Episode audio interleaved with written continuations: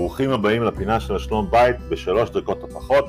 היום האישה מורידה, משאירה את הנעליים שלה באמצע החדר.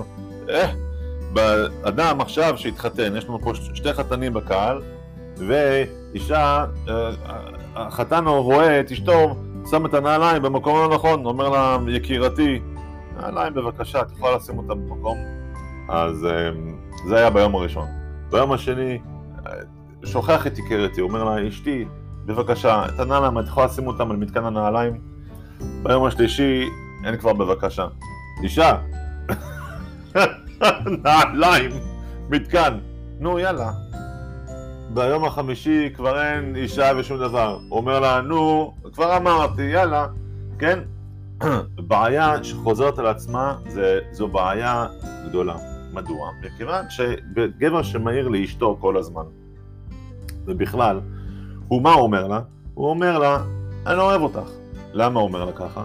מכיוון שיש לנו פסוק, על כל הפשעים תכסה אהבה. בן אדם שהוא מאוהב, הוא לא מסתכל על הדברים האלה. הוא מאוהב, הוא חושב על, על ועל איך יהיה לו, ועל איזה יום טוב יהיה לו, ועל איזה אהבה, והמוזיקה בהרמוניה, הכל כל כך נפלא. ועכשיו, כשהוא רואה את החסרונות, אז בעצם הוא משדר, אני לא אוהב אותך.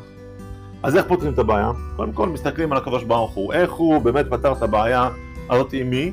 עם האדם הראשון בכבודו ובעצמו. האדם הראשון, הקדוש ברוך הוא אמר לו אל תאכל והוא אכל. מה עשה הקדוש ברוך הוא? הוציא אותו מגן עדן, נכון? ילד שאוכל מהעוגיות שבקופסה, מה עושים? במקום להמטיר עליו מטח של כל מיני חוקים ו... ועקרונות, רק אחרי האוכל לאכול, וככה וגם ככה רק שתי עוגיות, ו... וזה פשוט לוקחים את העוגיות מהשולחן ושלום על ישראל. אז מה הפתרון עכשיו עם האישה? פתרון פשוט. איפה היא מורידה את הנעליים? היא מורידה אותם ליד הדלת? שם צריך להיות המתקן. היא מורידה אותם ליד הסלון? שם צריך להיות המתקן. היא מורידה אותם ליד החדר? שם צריך להיות המתקן.